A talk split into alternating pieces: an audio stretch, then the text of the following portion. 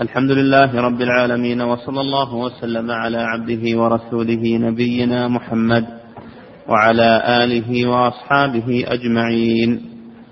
قال المؤلف رحمه الله تعالى واعلم أنه لن يدخل أحد الجنة إلا برحمة الله ولا يعذب الله أحدا إلا بقدر ذنوبه. بسم الله الرحمن الرحيم. الحمد لله رب العالمين صلى الله وسلم على نبينا محمد وعلى آله وأصحابه أجمعين. قال رحمه الله واعلم أي تيقن أنه لن يدخل أحد الجنة إلا برحمة الله. وهذا مأخوذ من قوله صلى الله عليه وسلم لن يدخل أحدكم الجنة بعمله. قالوا ولا أنت يا رسول الله؟ قال ولا أنا. إلا أن يتغمدني الله برحمة منه وفضل.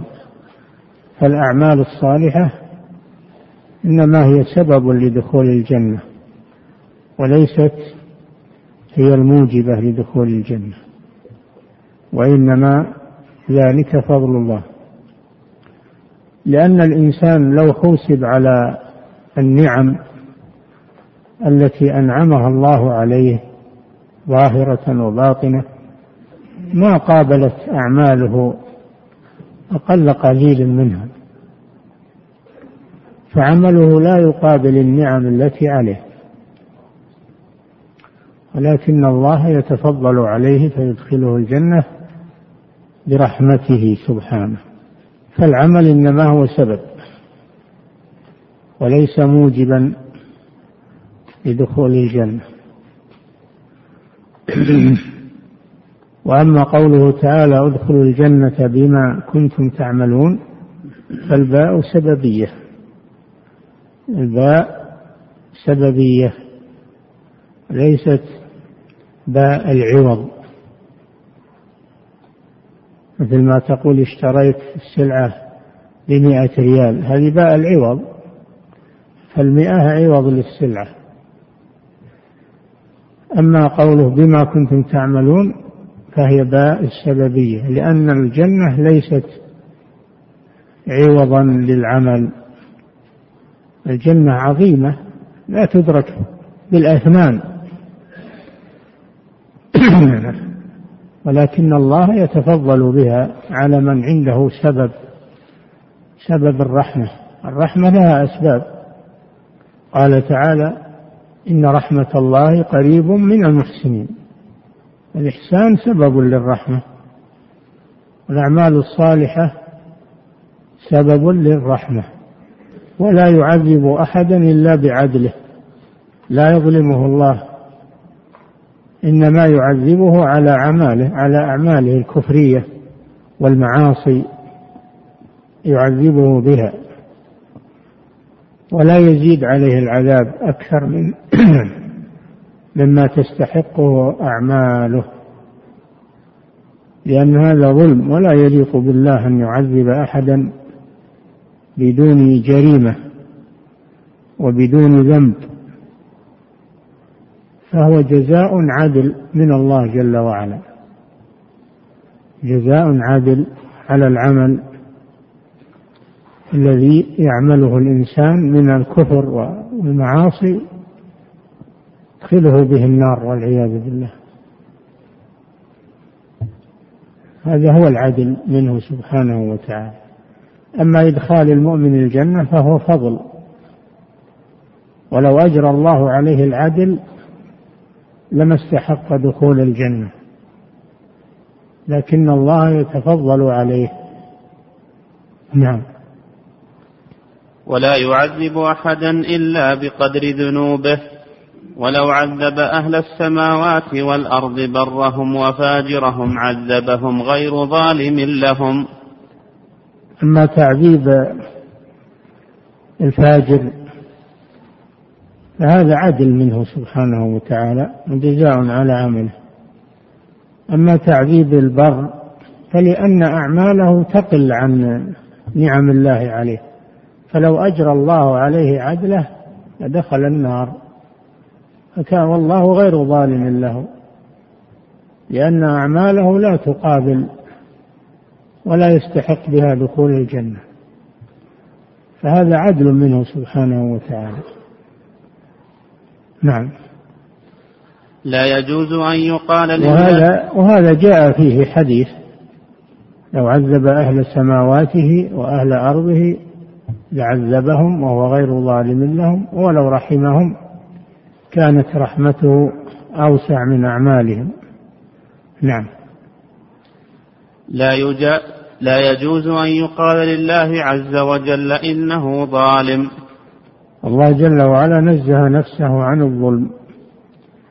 وقال في الحديث القدسي يا عبادي إني حرمت الظلم على نفسي. يعني منعت. التحريم هو المنع.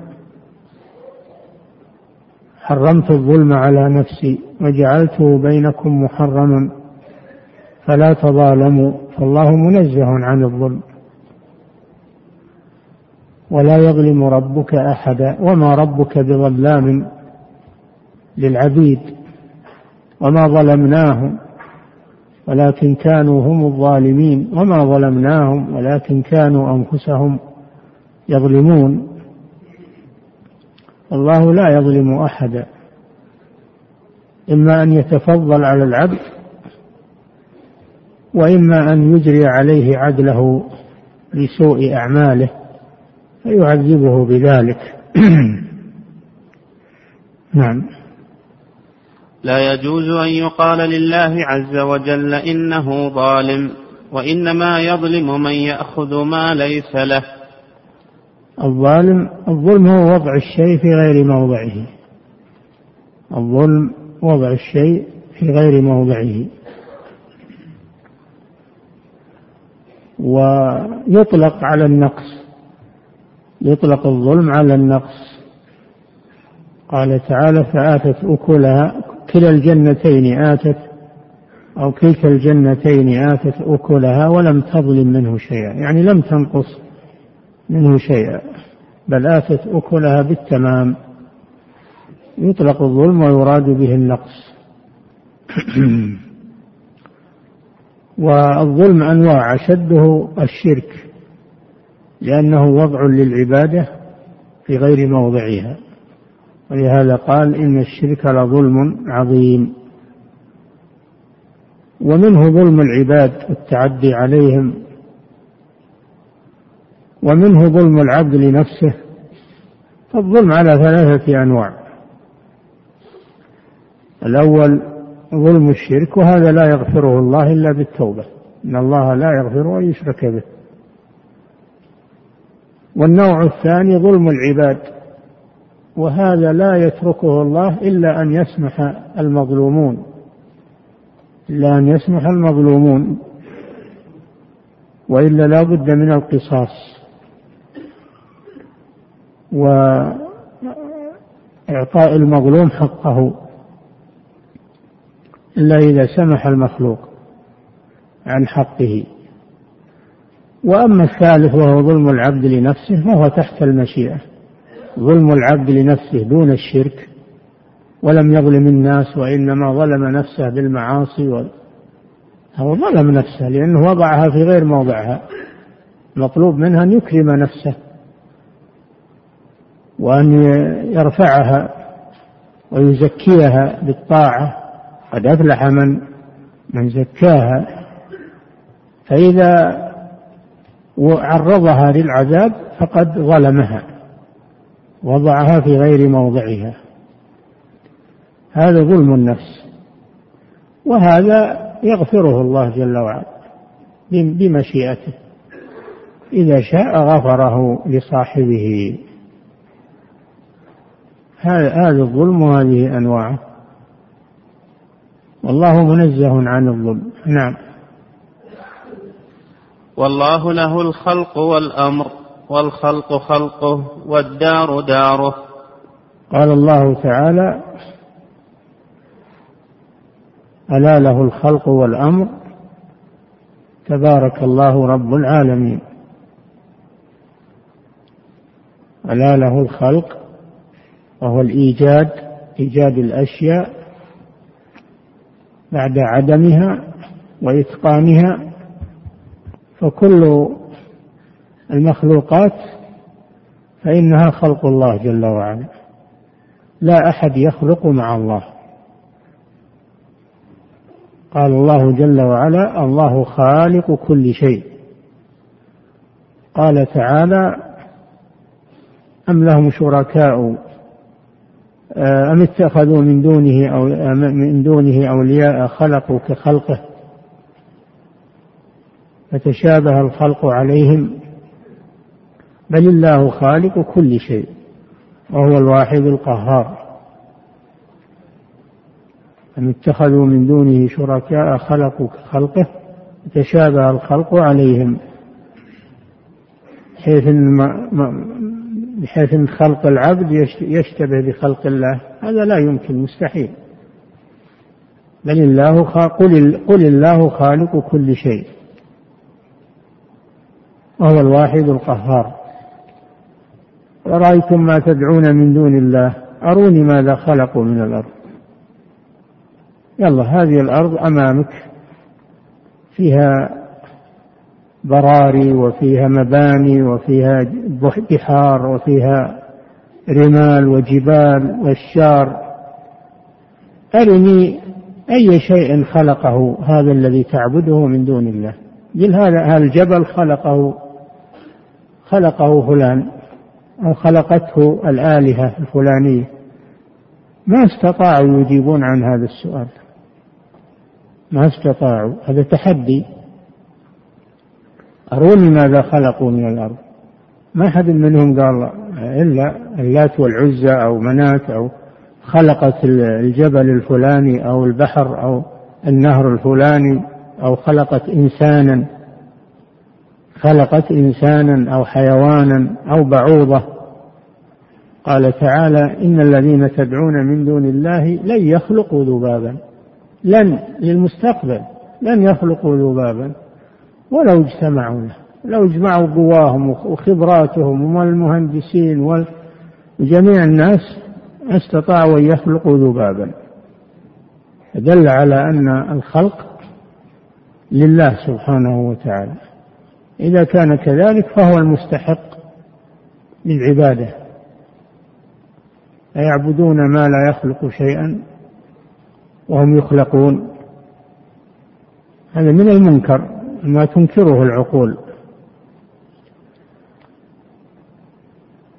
والذين يدعون من دونه لا يخلقون من دون الله لا يخلقون شيئا وهم يخلقون أموات غير أحياء. إن الذين تدعون من دون الله عباد أمثالكم. هي عاجزة عن أن تخلق شيئا. فكيف تعبد من دون الله؟ وهي لا تخلق ولا ترزق ولا تحيي ولا تميت. والأمر له الأمر سبحانه والأمر هو التشريع هو التشريع والوحي المنزل. فالخالق هو الذي يأمر وينهى ويشرع لعباده ما يصلحهم وينهاهم عما يضرهم وليس لأحد أن يأمر أو ينهى أو يوجب عبادة أو ينهى عن شيء من غير دليل. أم لهم شركاء شرعوا لهم من الدين ما لم يأذن به الله؟ فالأمر لله سبحانه وتعالى. الأمر الكوني والأمر والأمر القدري والأمر الشرعي الذي هو الحلال والحرام والواجب والمستحب والمحرم والمكروه فهو الذي يأمر وينهى سبحانه وتعالى. ألا له الخلق والأمر. وفرق بين الخلق والأمر فدل على أن الأمر غير مخلوق وفي هذا رد على الجهمية الذين يقولون إن القرآن مخلوق وإن كلام الله عموما مخلوق. الله فرق بينهما. فرق بين الخلق والأمر. الأمر ليس هو الكلام والأمر والنهي التشريع. الله فرق بينهما بين الخلق والأمر. فدل على أن كلام الله غير مخلوق. تبارك الله رب العالمين.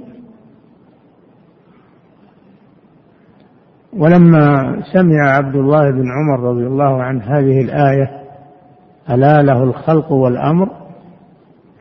قال من كان له شيء فليطلبه. يعني ما بقي شيء. الخلق والأمر لله إذا ما بقي لأحد شيء. إلا أن يتبع أوامر الله سبحانه وتعالى ويعبد الله بما أمر ويترك ما نهى. ليس لأحد شيء مع الله سبحانه وتعالى. ولا أحد يشرع أو يوجب على الناس أو أو يحرم على الناس بدون أمر الله سبحانه وتعالى ونهيه. نعم. والخلق خلقه والدار داره. الدار داره جل وعلا. الدار الدور ثلاث دار الدنيا ودار البرزخ وهي القبر ودار القرار وهي الآخرة. كلها لله سبحانه وتعالى. نعم. والله له الخلق والأمر والخلق خلقه والدار داره. لا يسأل عما يفعل وهم يسألون. لا يسأل عما يفعل سبحانه وتعالى لأن أفعاله ليس فيها نقص. ليس فيها نقص وليس فيها خلل فهي متقنة ومحكمة ولا يتطرق إليها نقص أو خلل أبدا. والسؤال إنما يكون لمن عنده نقص أو خلل في عمله.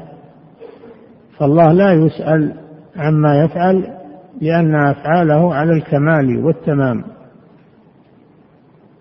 لا لمجرد قهره و وربوبيته كما يقوله من يقول لا يسأل لقهره وربوبيته. نعم هو لا يسأل لعظمته سبحانه وتعالى وجلاله لكن ليس هذا وحده فقط بل لا يسأل أيضا لأن أعماله متقنة لا يتطرق إليها إليها نقص أو خلل بالكلية. بخلاف المخلوق فإنه يسأل عن عن فعله لأنه يخطئ وينقص عمله. عليه ملاحظات فهو يسأل لأنه ناقص.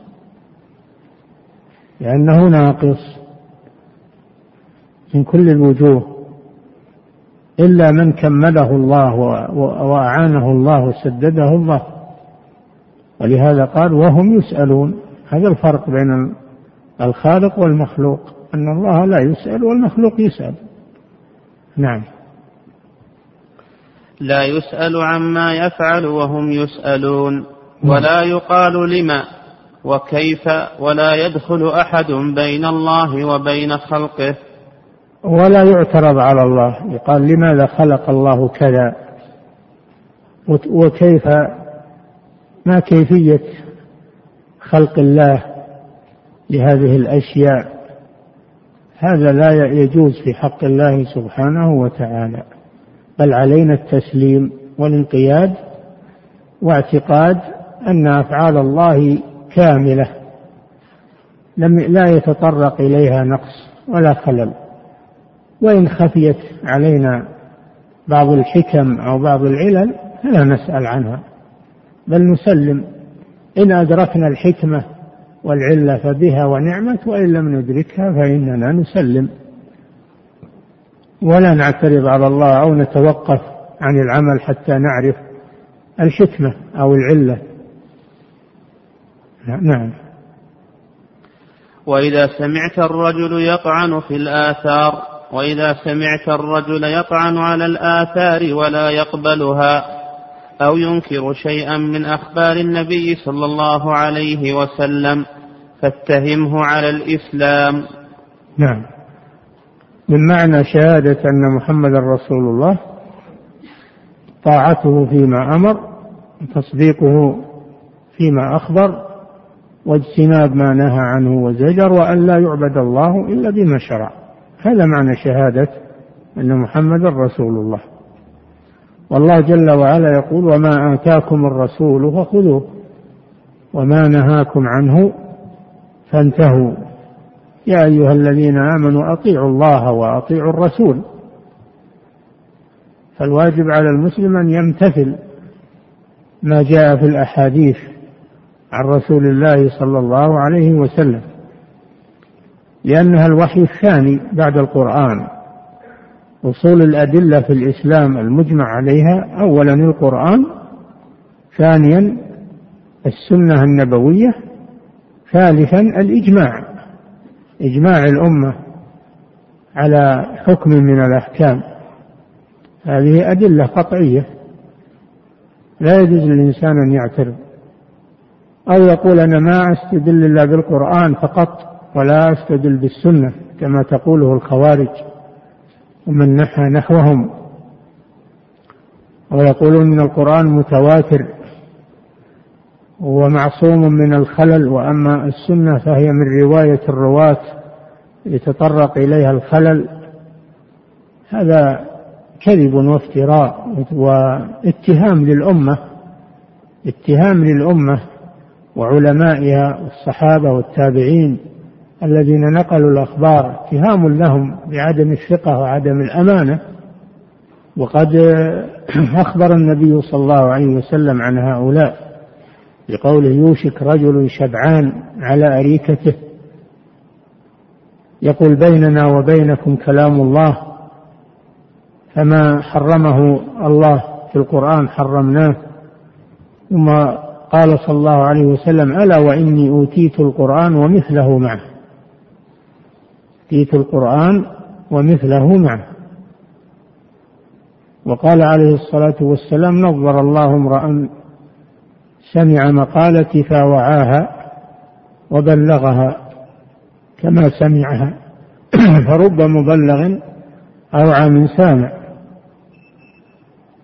وقال عليه الصلاة والسلام لما خطب في عرفة قال ليبلغ الشاهد منكم الغائب. الغائب عن مشهد عرفة من الموجودين والغائب الذي يأتي في المستقبل. الذي سمع يبلغ عن الرسول صلى الله عليه وسلم. هذه أمانة قام بها رواة الحديث ورجال الحديث. جزاهم الله خيرا. وصانوا السنة النبوية عن الدخيل والكذب. وبلغوها نقية صافية. كما وردت عن النبي صلى الله عليه وسلم بأمانة. وهذا من معجزات هذا الرسول صلى الله عليه وسلم. فالسنة لا ليست محل توقف أو اتهام. يجب العمل بها كما يجب العمل بالقرآن. لأنها وحي من الله. قال تعالى في حق الرسول صلى الله عليه وسلم وما ينطق عن الهوى إن هو إلا وحي يوحى. فالأحاديث وحي من الله. وإن كانت ألفاظها من الرسول صلى الله عليه وسلم أما القرآن فلفظه ومعناه من الله جل وعلا. أما السنة والأحاديث فمعناها من الله وحي وألفاظها من كلام الرسول صلى الله عليه وسلم الذي لا ينطق لا ينطق عن الهوى. فألفاظه صلى الله عليه وسلم معصومة وصدق ولا يتطرق إليها شك. فمن أنكر السنة انه كافر لأنه عطل الأصل الثاني. والقرآن لا بد له من السنة لا يستغني القرآن عن السنة. لأنها تبينه وتوضحه.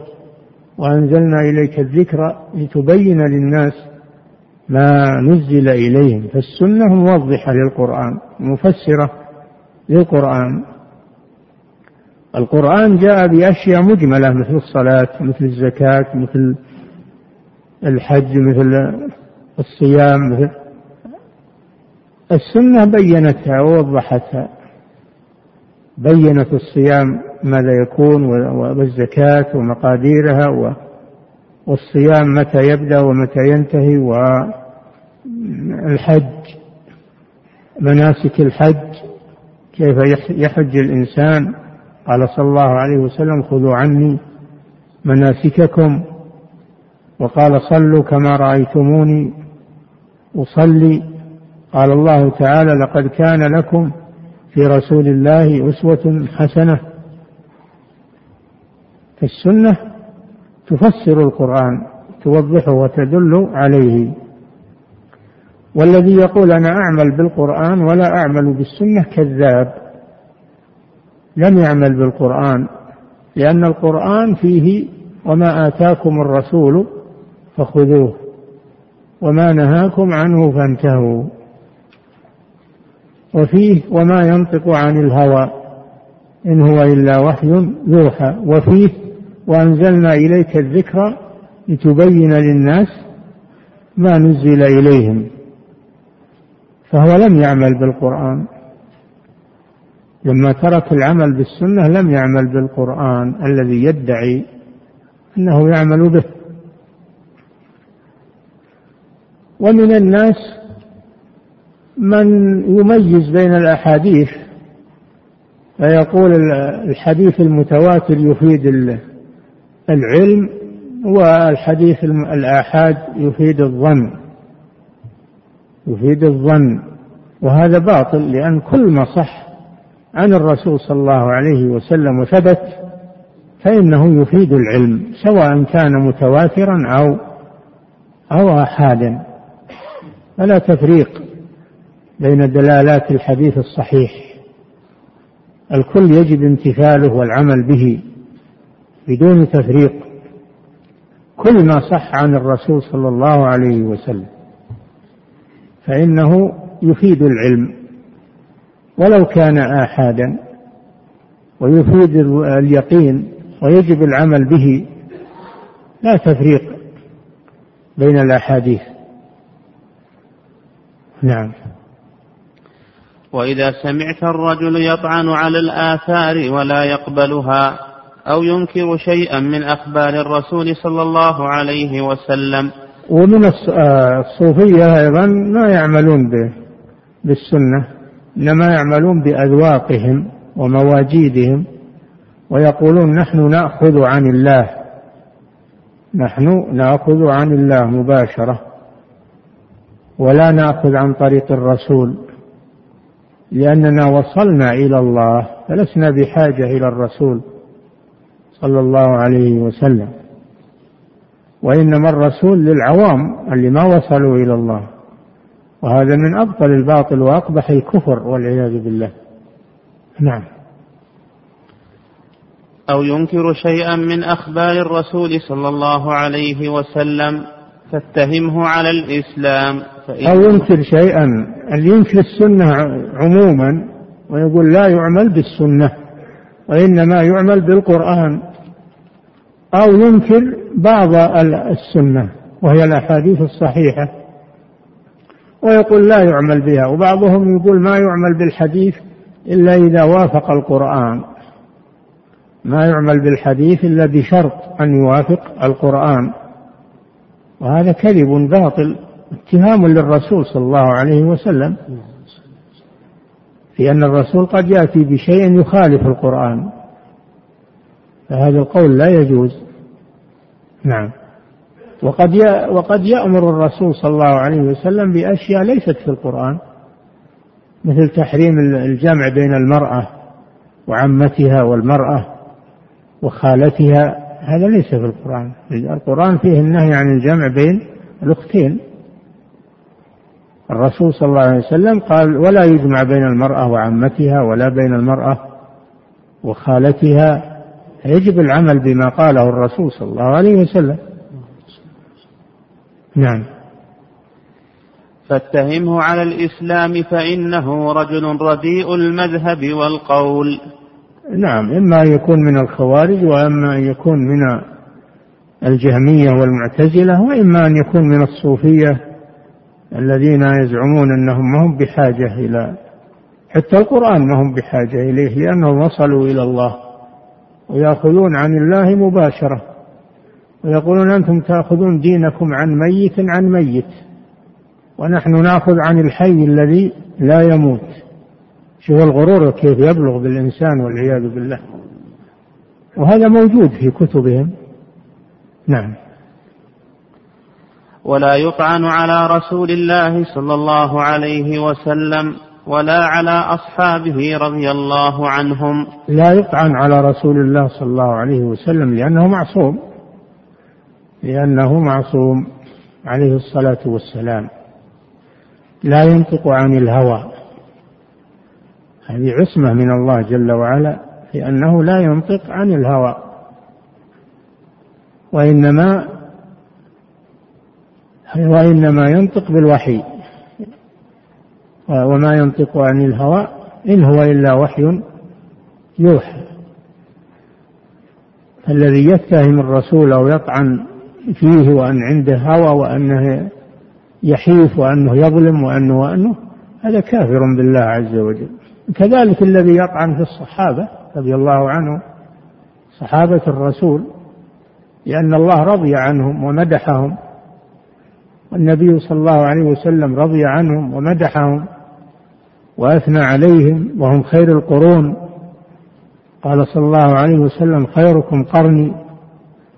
قال عليه الصلاة والسلام لا تسبوا أصحابي فهو الذي نفسي بيده لو أنفق أحدكم مثل أحد ذهبا. ما أنفق ما بلغ مد أحدهم ولا نصيفه. قال تعالى والسابقون الأولون من المهاجرين والأنصار والذين اتبعوهم بإحسان رضي الله عنهم ورضوا عنه. وأعد لهم جنات تجري تحتها الأنهار خالدين فيها أبدا. ذلك هو الفوز العظيم. لقد رضي الله عن المؤمنين إذ يبايعونك تحت الشجرة. يعني يوم أحد آه، يوم الحديبية تحت الشجرة شجرة البيعة الحديبية. فعلم ما في قلوبهم وأنزل السكينة عليهم وأثابهم فتحا قريبا. وقال في آخر السورة محمد رسول الله والذين معه يعني الصحابة أشداء على الكفار رحماء بينهم تراهم ركعا سجدا يبتغون فضلا من الله ورضوانا سيماهم في وجوههم من أثر السجود ذلك مثلهم في التوراة يعني صفتهم المذكورة في التوراة.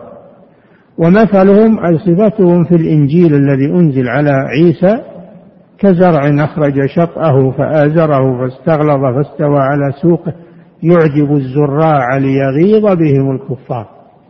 فدل على أن الذي يغتاظ من الكفار من الصحابة أن الذي يغيظه الصحابة أو يبغضهم أنه كافر ليغيظ بهم الكفار. نعم. ولا يطعن على رسول الله صلى الله عليه وسلم ولا على أصحابه رضي الله عنهم. لأن الله اختارهم لصحبة رسوله صلى الله عليه وسلم والجهاد معه وتحمل الشريعة عنه. من أين جاءتنا الشريعة؟ إلا عن طريق الصحابة رضي الله عنهم. فالذين يطعنون في الصحابة قصدهم إبطال الشريعة لأنه إذا طعن في حملتها ورواتها بطلت. نعم.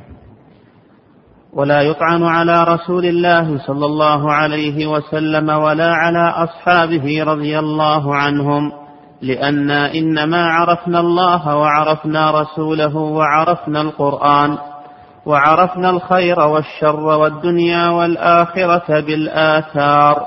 بالآثار التي رووها وهي الأحاديث. الأحاديث التي رووها عن رسول الله صلى الله عليه وسلم. فالذي يطعن فيهم يطعن في في الشريعة يطعنوا في الشريعة لأنها من رواية من رواية كذبة وغير موثوقين.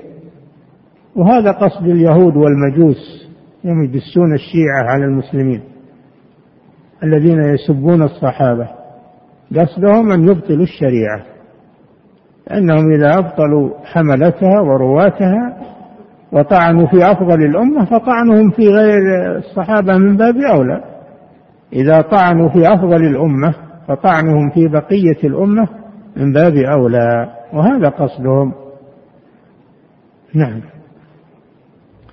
فإن القرآن أحوج إلى السنة من السنة للقرآن.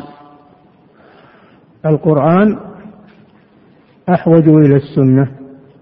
كما ذكرنا أن السنة مبينة. للقرآن ومفسرة للقرآن فهناك أشياء مجملة في القرآن بينتها السنة. الله أمر بالصلاة لكن هل بين عدد ركعاتها؟ هل بين صفة الصلاة؟ هذا بينه الرسول صلى الله عليه وسلم وقال صلوا كما رأيتموني أصلي. الحج الله ما بين جاء به مجملا في القرآن وكل بيانه إلى الرسول صلى الله عليه وسلم. حج بالمسلمين في عام في حجة الوداع وقال خذوا عني مناسككم. أي تعلموا من أفعالي وأقوالي ما ما تؤدون به مناسك أو أدوا مناسككم على صفة ما أؤدي به المناسك. والله جل وعلا يقول لقد كان لكم في رسول الله أسوة حسنة. من كان يرجو الله واليوم الآخر ذكر الله كثيرا. فالقرآن محتاج إلى السنة لبيانه وهي مكملة هي مكملة. فالذي يأخذ القرآن فقط قطع القرآن عن ما يبينه وما يوضحه. وهذا هدف أهل الضلال والذين في قلوبهم زيغ. لأن أهل الزيغ يأخذون بطرف من الأدلة ويتركون الطرف الآخر الذي يفسره ويوضحه. هذه طريقة أهل الزيغ. يأخذون بطرف من الأدلة متشابه ويتركون الطرف المحكم الذي يبينه ويوضحه. هذه طريقة أهل الزيغ. أو طريقة المتعالمين والجهال الذين يدعون العلم ولا يعرفون طريقة الاستدلال وقواعد الاستدلال. فيحرمون ويحللون دون بصيرة والعياذ بالله. لأنهم ما سلكوا المنهج العلمي. وإنما تعلموا على أنفسهم أو على كتبهم أو على من هو مثلهم في الجهل. نعم. فإن القرآن أحوج إلى السنة من السنة إلى القرآن. الإمام أحمد رحمه الله تهيب قول أن القرآن محتاج إلى السنة تهيب من العبارة وقال السنة تفسر القرآن. المعنى اللي ما فيه إشكال أن يقال السنة تفسر القرآن وتوضحه. نعم. والكلام والجدل والخصومة في القدر خاصة منهي عنه عند جميع الفرق. من أصول الإيمان وأركان الإيمان الإيمان بالقضاء والقدر. والقضاء والقدر هو ما قضاه الله وقدره في في الأزل ما قدره الله من الحوادث وال التي تقع. وكل ما يحدث فإنه لم يحدث اعتباطا أو يحدث آه، دون سابقة تقدير و ويحدث بدون أن يقدره الله جل وعلا. بل الله سبحانه وتعالى علم ما كان وما يكون. علم ما كان وما يكون ما كان في الماضي وما يكون في المستقبل. ثم كتب ذلك في اللوح المحفوظ. أول ما خلق الله القلم قال له اكتب قال اكتب ما هو كائن إلى يوم القيامة. فجرى القلم بما هو كائن إلى يوم القيامة. وكان ذلك قبل أن يخلق السماوات والأرض بخمسين ألف سنة. فخلق القلم سابق لخلق السماوات والأرض خمسين ألف سنة. وكان عرشه عرش الله جل وعلا على الماء. ومن هنا أشكل على العلماء هل العرش مخلوق قبل القلم أو أن القلم مخلوق قبل العرش؟ والصحيح أن العرش مخلوق قبل القلم. لأنه وقت خلق الله له وأمره بالكتابة كان عرشه على الماء سبحانه وتعالى. ولهذا يقول العلامة ابن القيم رحمه الله والناس مختلفون في القلم الذي كتب القضاء به من الديان هل كان قبل العرش أو هو بعده؟ قولان عند أبي العلا الهمداني والحق أن العرش كان قبل لأنه وقت الكتابة كان ذا أركان. لأنه وقت الكتابة كان ذا أركان وعرشه على الماء. فالصحيح أن أن العرش مخلوق قبل القلم.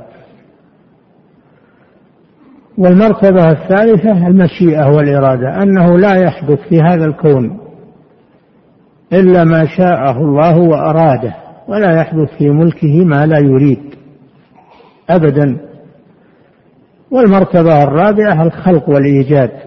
فكل شيء في هذا الكون فالله خالقه. الله خالق كل شيء. هذه مراتب الإيمان بالقضاء والقدر. لا بد منها جميعا. لم ت... ما أصاب من مصيبة في الأرض ولا في أنفسكم إلا في كتاب يعني اللوح المحفوظ.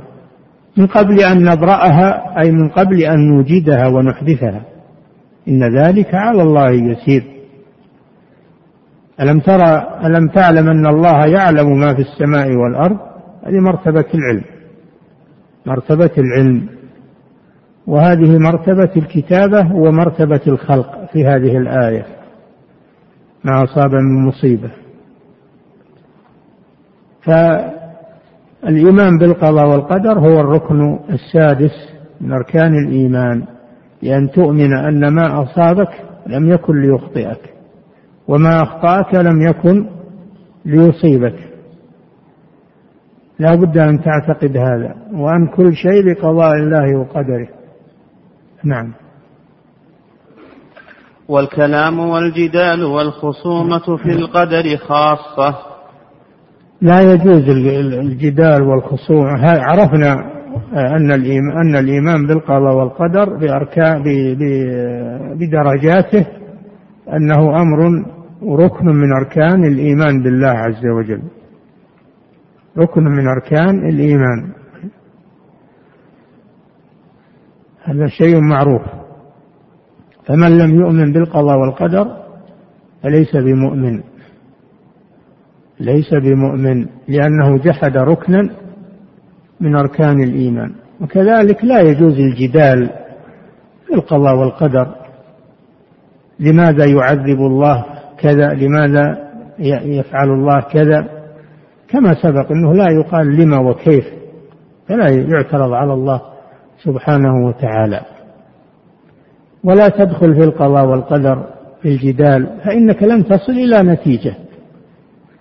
عليك التسليم والإيمان ولا تدخل في أمر من أمور الله هذا لا يعلمه إلا الله جل وعلا. ولا تنتهي إلى نتيجة. ولهذا يقال القدر سر الله. هل سر الله يدرك أو يحاط به أبدا. فأنت لا تدخل فيه. عليك أن تؤمن بما جاء في النصوص من القرآن والسنة وتقف عند هذا. وتتوجه إلى العمل. تتوجه إلى العمل الصالح وترك الذنوب والمعاصي. ولا تقول إن كان الله مقدر إني من أهل الجنة بصير من أهل الجنة ولو ما عملت شيء. إن كان الله مقدر إني من أهل النار فسيكون من أهل النار ولو ولو عمل وتاب و هذا كلام باطل. لا يجوز الدخول في هذه الأمور لأن هذا ما هو من شأن العباد هذا من شأن الله. أنت من شأنك العمل. هذا المطلوب منك مطلوب منك العمل. أما الدخول في القضاء والقدر فأنت تدخل في متاهة لن تخرج منها أبدا. وما كلفك الله بهذا؟ نعم. والكلام والجدل والخصومة في القدر خاصة منهي عنه عند جميع الفرق لأن القدر سر الله. من جميع الفرق الإسلامية يعني من جميع الفرق الإسلامية. لأن القدر سر الله والسر ما يمكن الإحاطة به. الله جل وعلا يقول ولا يحيطون بشيء من علمه إلا بما شاء ولا يحيطون به علما. لا تدخل في شؤون الله عز وجل. عليك بشؤون نفسك. عليك بالعمل عمل الصالح وترك الذنوب والتوبة منها وصف حسابك. ما دمت على قيد الحياة اشتغل مع نفسك. أما أنك تشغل نفسك بالقضاء والقدر ولماذا كان ولماذا يكون. أو كان الله مقدر. فأنا ما حاجة للعمل. هذا كله كلام باطل ولا قيمة له. ولما قال الصحابة للرسول صلى الله عليه وسلم ألا نتكل على كتابنا يعني على القضاء والقدر؟ ما قدر لنا. قال اعملوا اعملوا فكل ميسر لما خلق له. فأنزل الله تعالى إن سعيكم لشتى فأما من أعطى واتقى وصدق بالحسنى فسنيسره لليسرى. وأما من بخل واستغنى وكذب بالحسنى فسنيسره للعسرى. فأنت السبب إما في نجاة نفسك وإما في هلاكها. بأفعالك التي تفعلها باختيارك وإرادتك. نعم كل الناس يغدو فمعتق نفسه أو موبقها نعم. ونهى الرب جل تعالى الأنبياء عن الكلام في القدر. نهى الله الخلق الأنبياء وغيرهم عن الكلام في القدر. والأنبياء ما دخلوا في القدر. الأنبياء ما ذكر عنهم أنهم اعترضوا على القدر أبدا لأنهم يعلمون عظمة الله جل وعلا وحكمة الله ويستسلمون ويتأدبون مع الله جل وعلا ولا يسألون عن شيء ليس لهم فيه مصلحة ولا منفعة. فالأنبياء لم يسألوا عنها وكذلك لم يسأل عنها أتباع الأنبياء أبدا. إنما كانوا يتجهون إلى العمل. الأنبياء وأتباعهم يتجهون إلى العمل ويعنون بالعمل وما كانوا يسألون عن القضاء والقدر إلا من باب الاعتقاد والإيمان به. والإيمان بالقضاء والقدر يريحك من الشكوك والأوهام والأحزان يريحك منها. اعلم أن ما أصابك لم يكن ليخطئك وما أخطأك لم يكن ليصيبك. فلا تقل لو أني فعلت لكان كذا وكذا ولكن قل قدر الله وما شاء فعل. نعم. ونهى النبي صلى الله عليه وسلم عن الخصومة في القدر. نعم. وكرهه أصحاب رسول الله صلى الله عليه وسلم ورضي الله عنهم وكرهه التابعون وكرهه العلماء وأهل الورع. نعم لما ظهرت القدرية في أواخر حصر الصحابة أنكروا عليهم. أنكروا عليهم غاية الإنكار وحذروا منهم وأمروا بأن بأن العبد بأن العبد عليه أن يؤمن بأن ما أصابه لم يكن ليخطئه وما أخطأه لم يكن ليصيبه. وأن من لا يعتقد هذا فإن الله يحرقه بالنار. هكذا اتفقت كلمتهم لما ظهرت الفرقة القدرية في وقتهم. أنكروا عليهم. نعم. وكرهه العلماء وأهل الورع.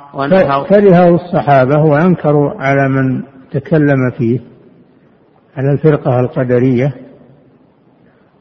وكرهه بعد الصحابة التابعون وأتباع التابعين والأئمة. نعم. وكرهه العلماء وأهل الورع ونهوا عن الجدال في القدر. نعم.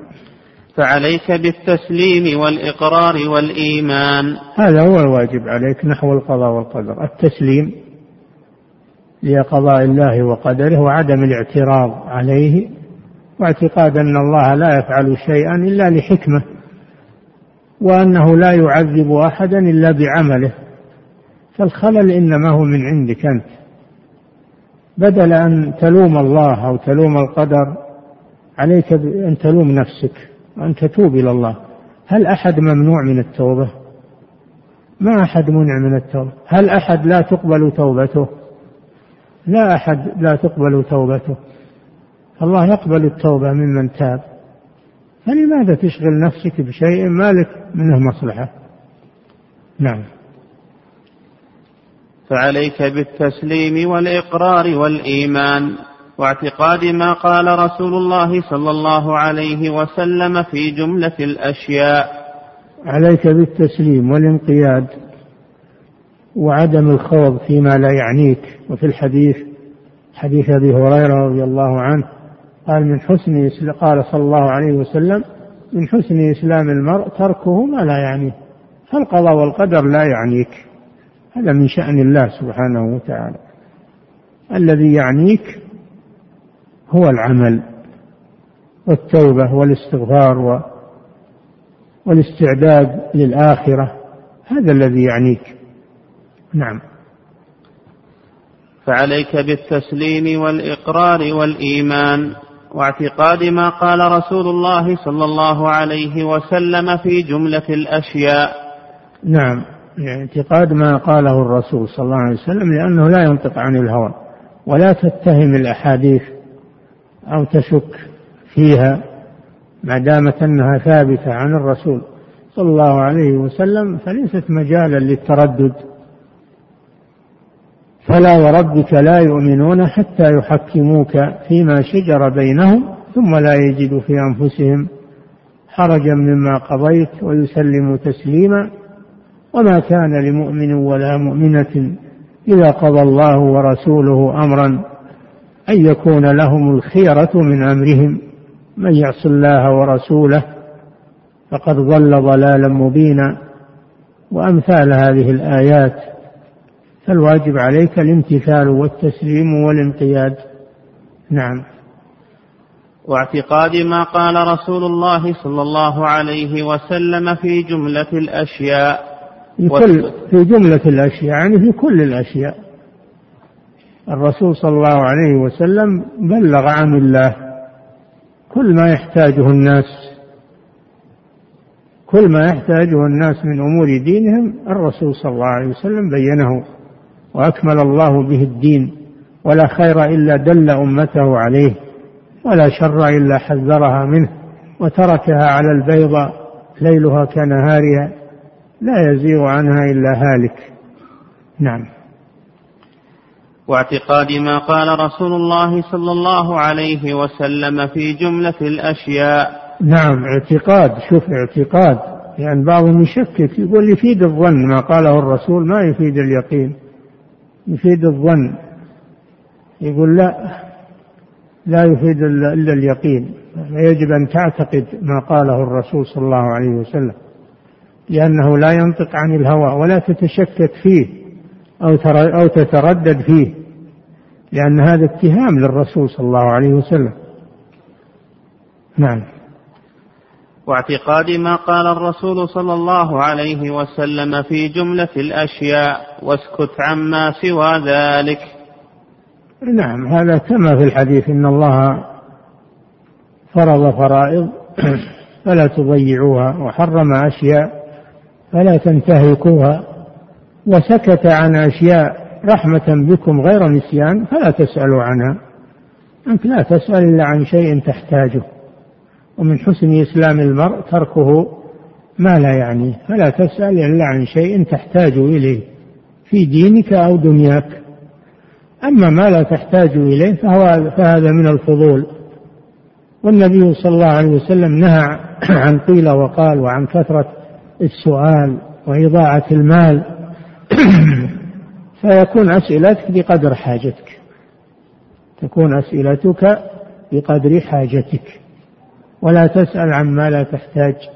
نعم. والإيمان بأن رسول الله صلى الله عليه وسلم أسري به إلى السماء. نعم. هذا من معجزات الرسول صلى الله عليه وسلم. فمن الإيمان بالرسول صلى الله عليه وسلم الإيمان بمعجزاته الدالة على صدق رسالته صلى الله عليه وسلم. وأعظم معجزاته القرآن والسنة هذه أعظم معجزات الرسول صلى الله عليه وسلم. وهي المعجزة الباقية إلى أن تقوم الساعة. وكذلك من معجزاته صلى الله عليه وسلم الإسراء والمعراج. الإسراء وهو السير في الليل والمعراج وهو مكة المسجد الأقصى في فلسطين في فلسطين في ليلة واحدة. مع جبريل بصحبة جبريل عليه السلام. وكيف إنه سار في ليلة واحدة من مكة إلى بيت المقدس؟ ثم عرج به إلى السماء ثم نزل من السماء ثم رجع إلى مكة في ليلة واحدة. هذا بقدرة الله جل وعلا لا بقدرته هو عليه الصلاة والسلام. بقدرة الله التي لا يعجزها شيء. أتي ببراق ببراق دابة سريعة المشي خطوها عند مد بصرها فركبها النبي صلى الله عليه وسلم وصحبه جبريل إلى بيت المقدس. هذا الإسراء. المعراج عرج به من بيت المقدس إلى السماء وجاوز السبع الطباق وانتهى إلى سدرة المنتهى وسمع كلام الله سبحانه وتعالى له وأمره بالصلاة. ثم ورأى في هذه الليلة الجنة والنار ورأى في هذه الليلة الرسل والأنبياء في السماوات وجمعهم الله له وصلى بهم عليه الصلاة والسلام إظهارا لفضله عليهم وفرض الله عليه الصلوات الخمس وهو في السماء ثم نزل عليه الصلاة والسلام إلى بيت المقدس ثم جاء من بيت المقدس إلى مكة في ليلة واحدة وأصبح في مكة عليه الصلاة والسلام. هذا هو الإسراء والمعراج.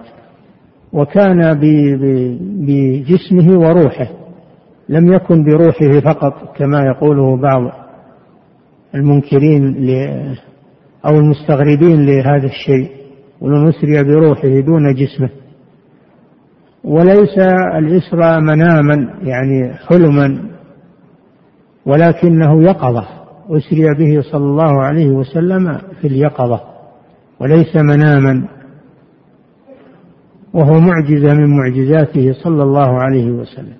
قال تعالى سبحان الذي أسرى بعبده ليلا من المسجد الحرام إلى المسجد الأقصى. الذي باركنا حوله لأي شيء لنريه من آياتنا. إنه هو السميع البصير.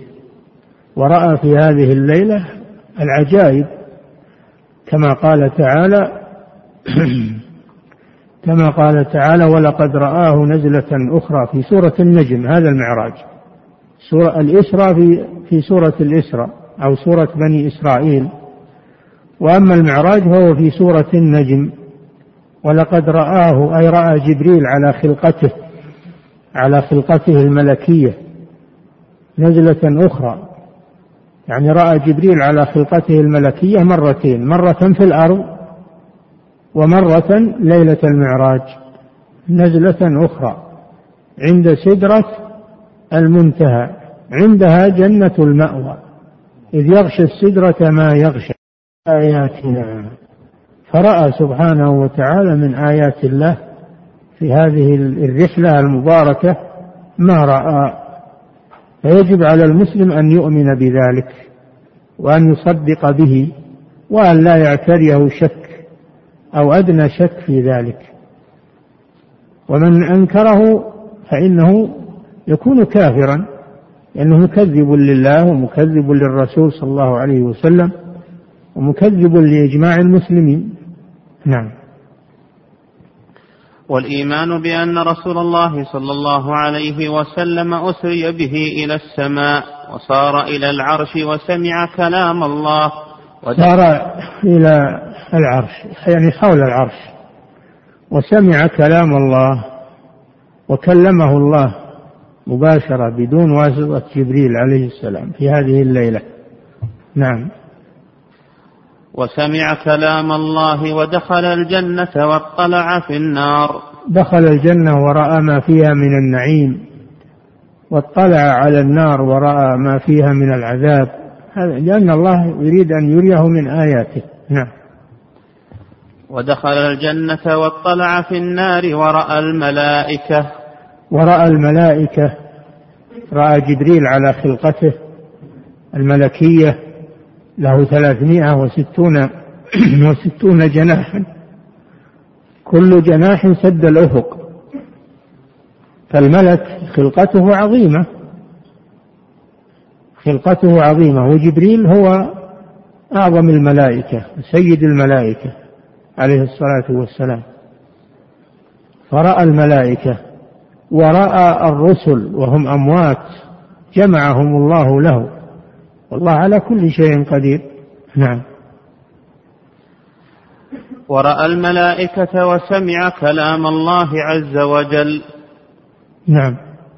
ونشرت له الأنبياء. نشرت له الأنبياء يعني جمعت له الأنبياء. الأنبياء أموات إلا عيسى عليه السلام فإنه لا يزال حيا إلى أن ينزل في آخر الزمان ويقتل الدجال ثم يموت بعد ذلك. وإن من أهل الكتاب إلا ليؤمنن به قبل موته يعني في آخر الزمان حين ينزل عليه السلام. نعم. ونشرت له الأنبياء عليهم السلام ورأى سرادقات العرش والكرسي. رأى ما حول العرش وما حول الكرسي وهما مخلوقان عظيمان أعظم المخلوقات وما حولهما نعم. ورأى سرادقات العرش والكرسي وجميع ما في السماوات في اليقظة. في اليقظة رد على اللي يقولون إنه منام. المنام ما ما يستنكر المنام. ولو كان مناما لما استنكره الكفار. لأن الرؤيا ما تستنكر. ومستنكر أن يكون يقظة. نعم. والله جل وعلا يقول أسرى بعبده. والعبد اسم اسم للروح والجسم معا. الروح وحدها لا تسمى عبدا. الجسم وحده بدون روح لا يسمى عبدا فلا يسمى عبدا إلا للجسم والروح معا. نعم. حمله جبريل عليه السلام على البراق. وهو دابة البراق دابة. نعم. حمله جبريل عليه السلام على البراق وأداره في السماوات. نعم. وفرضت عليه الصلوات الخمس تلك الليلة. وهذا دليل على عظم هذه الصلوات الخمس. أنها فرضت على الرسول صلى الله عليه وسلم في السماء بينه وبين الله بدون واسطة خلاف بقية الشرائع فإنها كانت تنزل على الرسول صلى الله عليه وسلم في الأرض بواسطة جبريل عليه السلام. هذا يدل على عظم قدر هذه الصلوات الخمس عند الله عز وجل. وكان زمن الإسراء قبل الهجرة. كان زمن الإسراء قبل الهجرة إلى المدينة. وصلى في مكة عليه الصلاة والسلام. نعم. صلى الصلوات الخمس في مكة. نعم. وفرضت عليه الصلوات الخمس تلك الليلة ورجع إلى مكة ليلته وذلك رجع إلى مكة ليلته. ولذلك الكفار استغربوا هذا وفرحوا بهذا الذكر من أجل أن يتنقصوا الرسول صلى الله عليه وسلم ويتهكموا به ويسخروا منه. فالله جل وعلا رد كيدهم وصدق رسوله صلى الله عليه وسلم. وأنزل في ذلك القرآن. نعم. ورجع إلى مكة ليلته وذلك قبل الهجرة. ولله المثل الأعلى. الآن ما هو بالإنسان يطير من الرياض. وين يصل؟ في ليلة واحدة. لو يشاء طار ورجع الفجر في أبعد في أقصى مكان. إذا كان المخلوق يعني يعني الله إذا كان المخلوق الله جل وعلا أقدره على ذلك فكيف بقدرة الخالق سبحانه وتعالى؟ نعم. ورجع إلى مكة ليلته وذلك قبل الهجرة. وهذه الحادثة العظيمة قبل هجرته إلى المدينة. صلى في مكة صلوات الخمس قبل أن يهاجر وهذا يدل على عظم الصلوات الخمس أيضا. نعم. انتهى إي نعم. نعم. أحسن الله إليكم صاحب الفضيلة وجزاكم الله خيرا. هذه أسئلة كثيرة. أعرض على فضيلتكم ما تيسر منها فهذا السائل يقول هل من يطعن في زوجات النبي صلى الله عليه وسلم فيسبهم ويطعن في الصحابة رضي الله عنهم ويسبهم يكفر ولماذا؟ نعم لأن من يطعن في زوجات النبي صلى الله عليه وسلم فإنه يطعن في الله عز وجل. لأن الله هو الذي اختار هذه الزوجات لنبيه صلى الله عليه وسلم. وكيف يختار الله لزوجاته؟ آه، كيف يختار الله لنبيه زوجات مطعون فيها؟ وكذلك يطعن في الرسول صلى الله عليه وسلم. كيف تكون زوجات الرسول أمهات المؤمنين فيهن كلام أو فيهن عيب أو نقص؟ ويطعن في إجماع الأمة التي أجمعت على فضل أمهات المؤمنين وأنهن أمهات المؤمنين وأزواجه أمهاتهم. هذا في القرآن. أمهات المؤمنين. هل أحد يطعن؟ أن ترضى أن أحد يطعن في أمك؟ ها؟ أمك من النسب ما ترضى أن أحد يطعن فيها فكيف أمك في الدين؟ زوجة الرسول صلى الله عليه وسلم. كيف ترضى أن أحدا يطعن فيها؟ فأمك في الدين أعظم من أمك في النسب. هذا بلا شك. فما في شك إن من تعمد الطعن في زوجات النبي صلى الله عليه وسلم من تعمد هذا فهو كافر. نعم.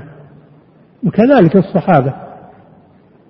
من تعمد الطعن فيهم فهو كافر. لأن الله جل وعلا يقول ليغيظ بهم الكفار. نعم. أحسن الله إليكم صاحب الفضيلة. وهذا سائل يقول ما صحة هذا الدعاء؟ اللهم لا تعاملنا بعدلك ولكن عاملنا برحمتك فإنك إن عاملتنا بعدلك هلكنا. نعم هذا مأخوذ من الحديث الذي مر بكم لو أن الله عذب أهل سماواته وأهل أرضه لعذبهم وهو غير ظالم لهم. فأنت تسأل الله لا يعاملك بالعدل وإنما يعاملك بالفضل بالفضل والرحمة لأن أعمالك ما تكفي أقل نعمة عليك من نعم الله عز وجل. نعم. أحسن الله إليكم صاحب الفضيلة وهذا السائل يقول الذي يرد أحاديث النبي صلى الله عليه وسلم المتفق على صحتها كالموجودة في الصحيحين ويردها بناء على عقله هل نضلله أو نكفره؟ إن كان متأولا أو مقلدا أو جاهلا إننا نبين له ونوضح له فإن أصر فإنه يكفر بذلك لأنه صار متعمدا. فإذا تعمد رد قول الرسول صلى الله عليه وسلم وهو يعلم صحته عن الرسول فإنه يكفر بذلك. نعم. أحسن الله إليكم صاحب الفضيلة. وهذا السائل يقول عرفنا أن السنة تفسر القرآن ولكن هل السنة يمكن أن تنسخ شيئا من القرآن؟ يمكن نعم. عند الأصوليين أن القرآن ينسخ السنة والسنة تنسخ القرآن. والقرآن ينسخ القرآن والسنة تنسخ السنة. نعم. أحسن الله إليكم صاحب الفضيلة وهذا السائل يقول لقد درسنا في علم المصطلح أن منكر الحديث أن منكر الحديث المتواتر يكفر وأما منكر الآحاد فلا يكفر. فما مدى صحة هذا القول؟ هذا غلط. وغالب اللي يألفون في الأصول من علماء المنطق وعلماء الكلام وهم هذه عقيدتهم. غالبا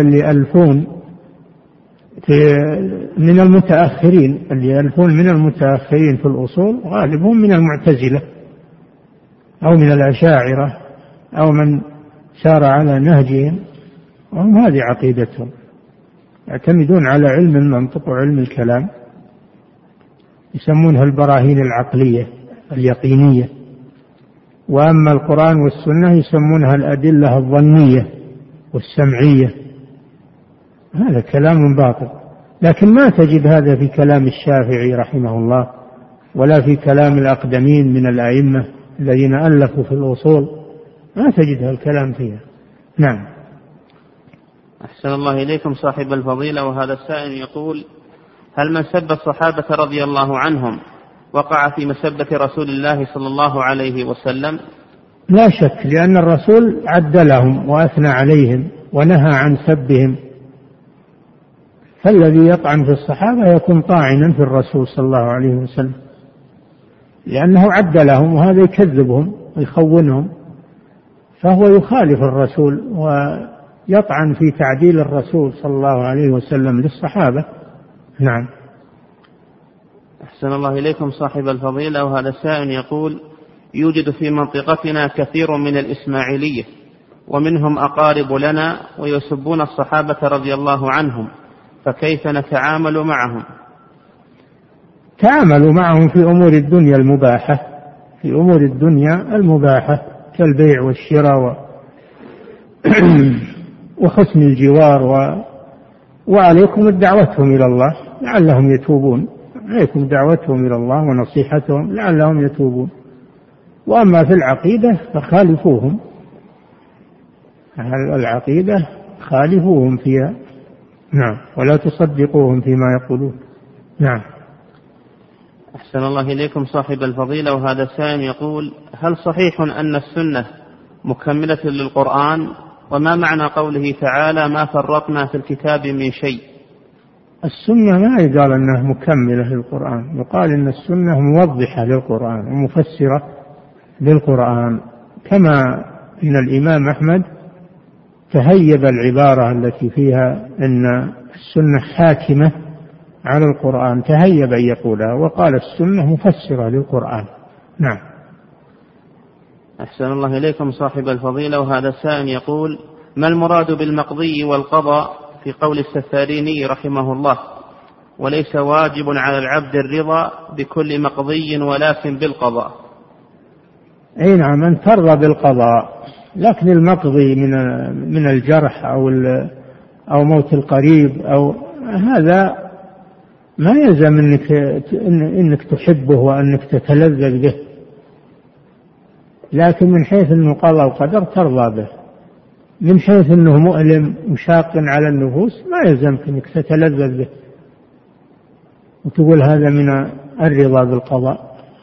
بل يجوز تتألم وتخبر عن الألم وتذهب إلى الطبيب يعالجك وتعمل الأسباب للعلاج. وليس هذا اعتراض على القضاء والقدر إنما هذا من اتخاذ الأسباب النافعة. نعم. أحسن الله إليكم صاحب الفضيلة وهذا السائل يقول كيف الجمع بين حديثي قوله صلى الله عليه وسلم لو أنفق أحدكم مثل أحد ذهبا ما بلغ مد أحدهم ولا نصيفه. وقوله إن العمل في آخر الزمان له مثل خمسين من الصحابة. هذا من هذه الناحية.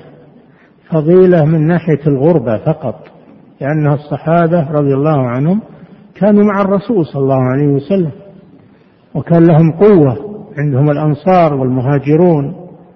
أما هذا في آخر الزمان ما عنده أحد الحالة يقارع الخطوب ويقارع الناس ويصبر. فهو من هذه الناحية أفضل لكن الصحابة أفضل منه بنواح كثيرة. والفضيلة الخاصة لا تقضي على الفضيلة العامة. فهو أفضل منهم في ناحية واحدة وهم أفضل منه في نواح كثيرة. نعم. أحسن الله إليكم صاحب الفضيلة وهذا السائل يقول ما معنى قول الحافظ ابن كثير رحمه الله في تفسير قوله تعالى اهدنا الصراط المستقيم صراط الذين أنعمت عليهم أن فيها رد على القدرية الذين أنعمت عليهم دل على أن أن أن العمل أن العمل الصالح أنه نعمة من الله وأن الله قدره آه، لعبده. قدره لعبده فضلا منه سبحانه وتعالى. في رد على القدرية الذين يقولون أن الأعمال ليست من فعل الله ولا من خلق الله وإنما هي من من إحداث المخلوق من إحداث المخلوق وإيجاد المخلوق. نعم. أحسن الله إليكم صاحب الفضيلة وهذا سائل يقول هل كل من ترك السنة يكون كافرا؟ فيه تفصيل لأنه قد يكون أنه ما بلغه الحديث يكون يكون بلغه ولم يصح عنده وصح عند غيره يكون بلغه وصح عنده لكن آه، فسره بتفسير ظهر له ولم يظهر لغيره أو فسره بتفسير ظهر له غير صحيح والتفسير الصحيح عند غيره. لهم أعذار في هذا ولهذا صنف شيخ الإسلام رحمه الله رسالة رفع الملام عن الأئمة الأعلام وذكر أعذارهم. فإذا كان له عذر فإنه لا يضلل ولكن يقال أخطأ يقال أخطأ. أما إذا كان متعمدا لا شك أنه يضلل أو يكفر. نعم.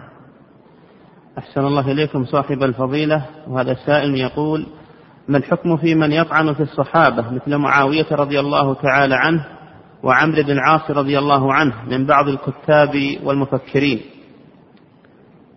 هؤلاء صحابة أجلة معاوية رضي الله عنه صحابي جليل وكاتب الوحي من كتاب الوحي لرسول الله صلى الله عليه وسلم وإمام المسلمين بعد علي رضي الله عنهما. وإمام المسلمين بعد علي وجمع الله به المسلمين ووحد كلمة المسلمين على يده فله فضائل رضي الله عنه. لو لم يكن له إلا صحبة الرسول صلى الله عليه وسلم. له فضائل عظيمة رضي الله عنه. وعمرو بن العاص أيضا له فضائل وهو المجاهد في سبيل الله وهو القائد المحنك الذي قاد الجيوش وفتح الفتوح.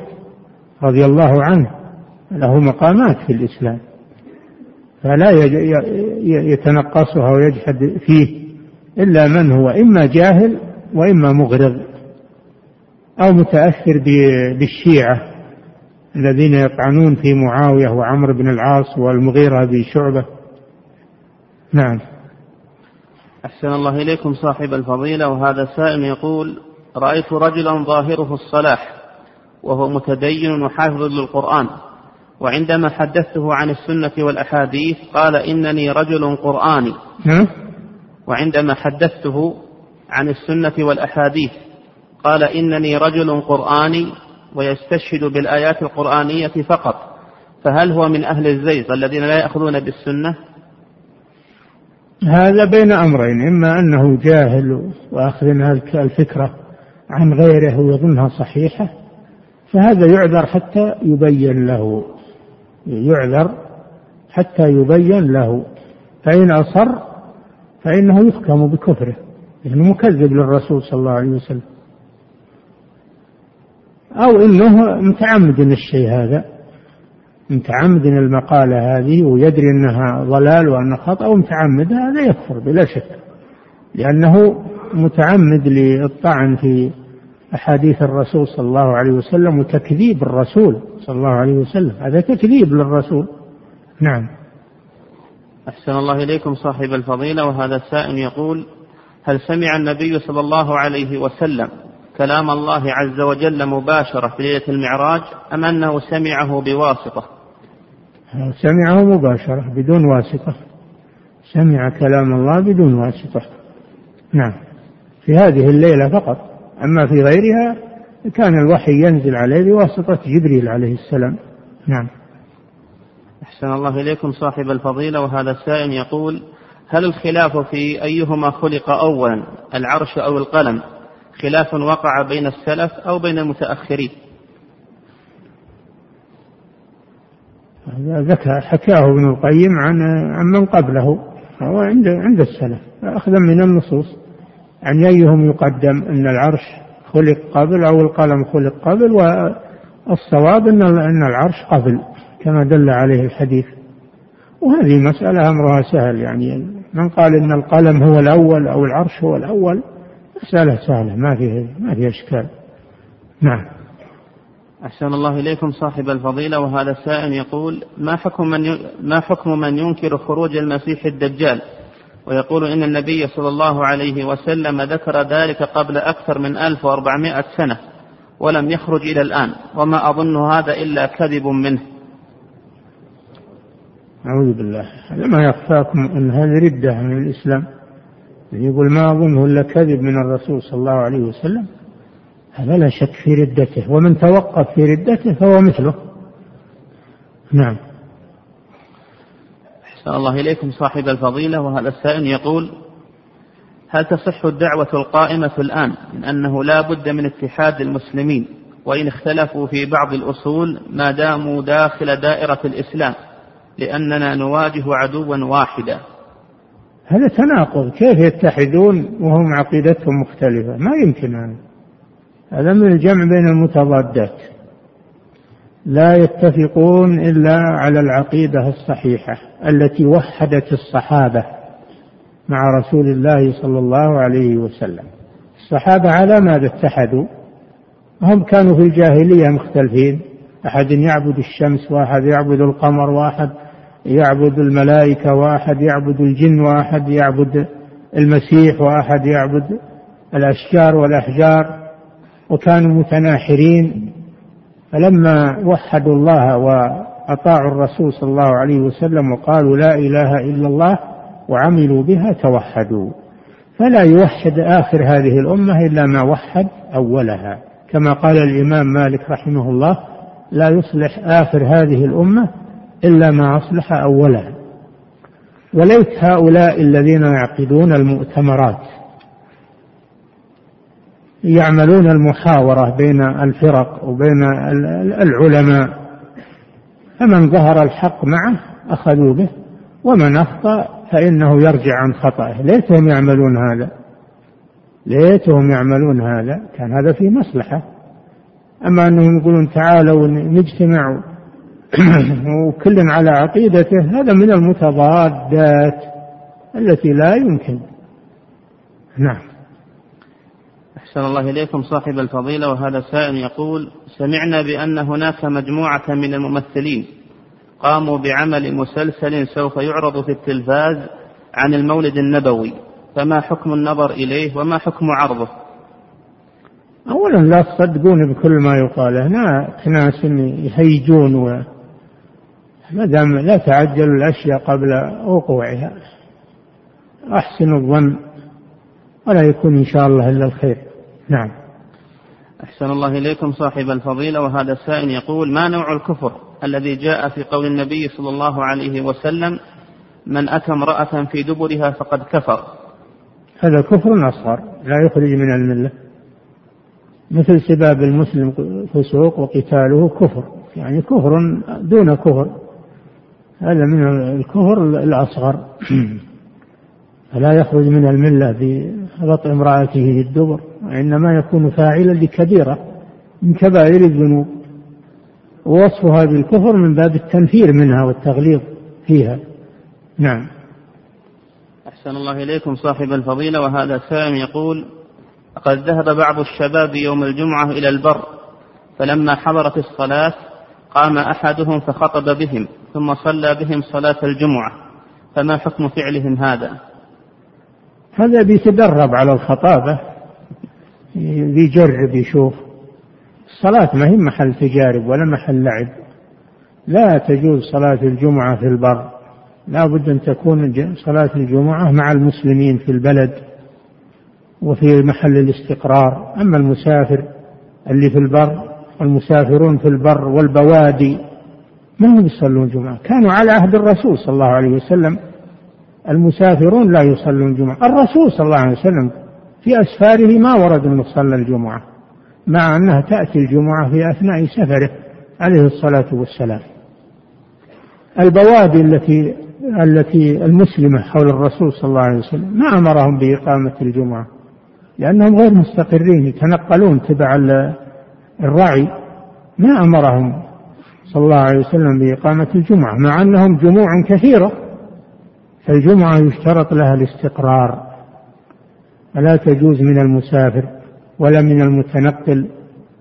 يعني ما تصح منه لو صلاها إلا تبعا لغيره إلا تبعا لغيره. فإذا صلى المسافر مع المقيمين صلاة الجمعة أجزأته عن الظهر. أما أنه يصليها استقلالا فهي لا تصح وليست فرضه فرضه الظهر. نعم. أحسن الله إليكم. انتهى. الله تعالى أعلم صلى الله وسلم.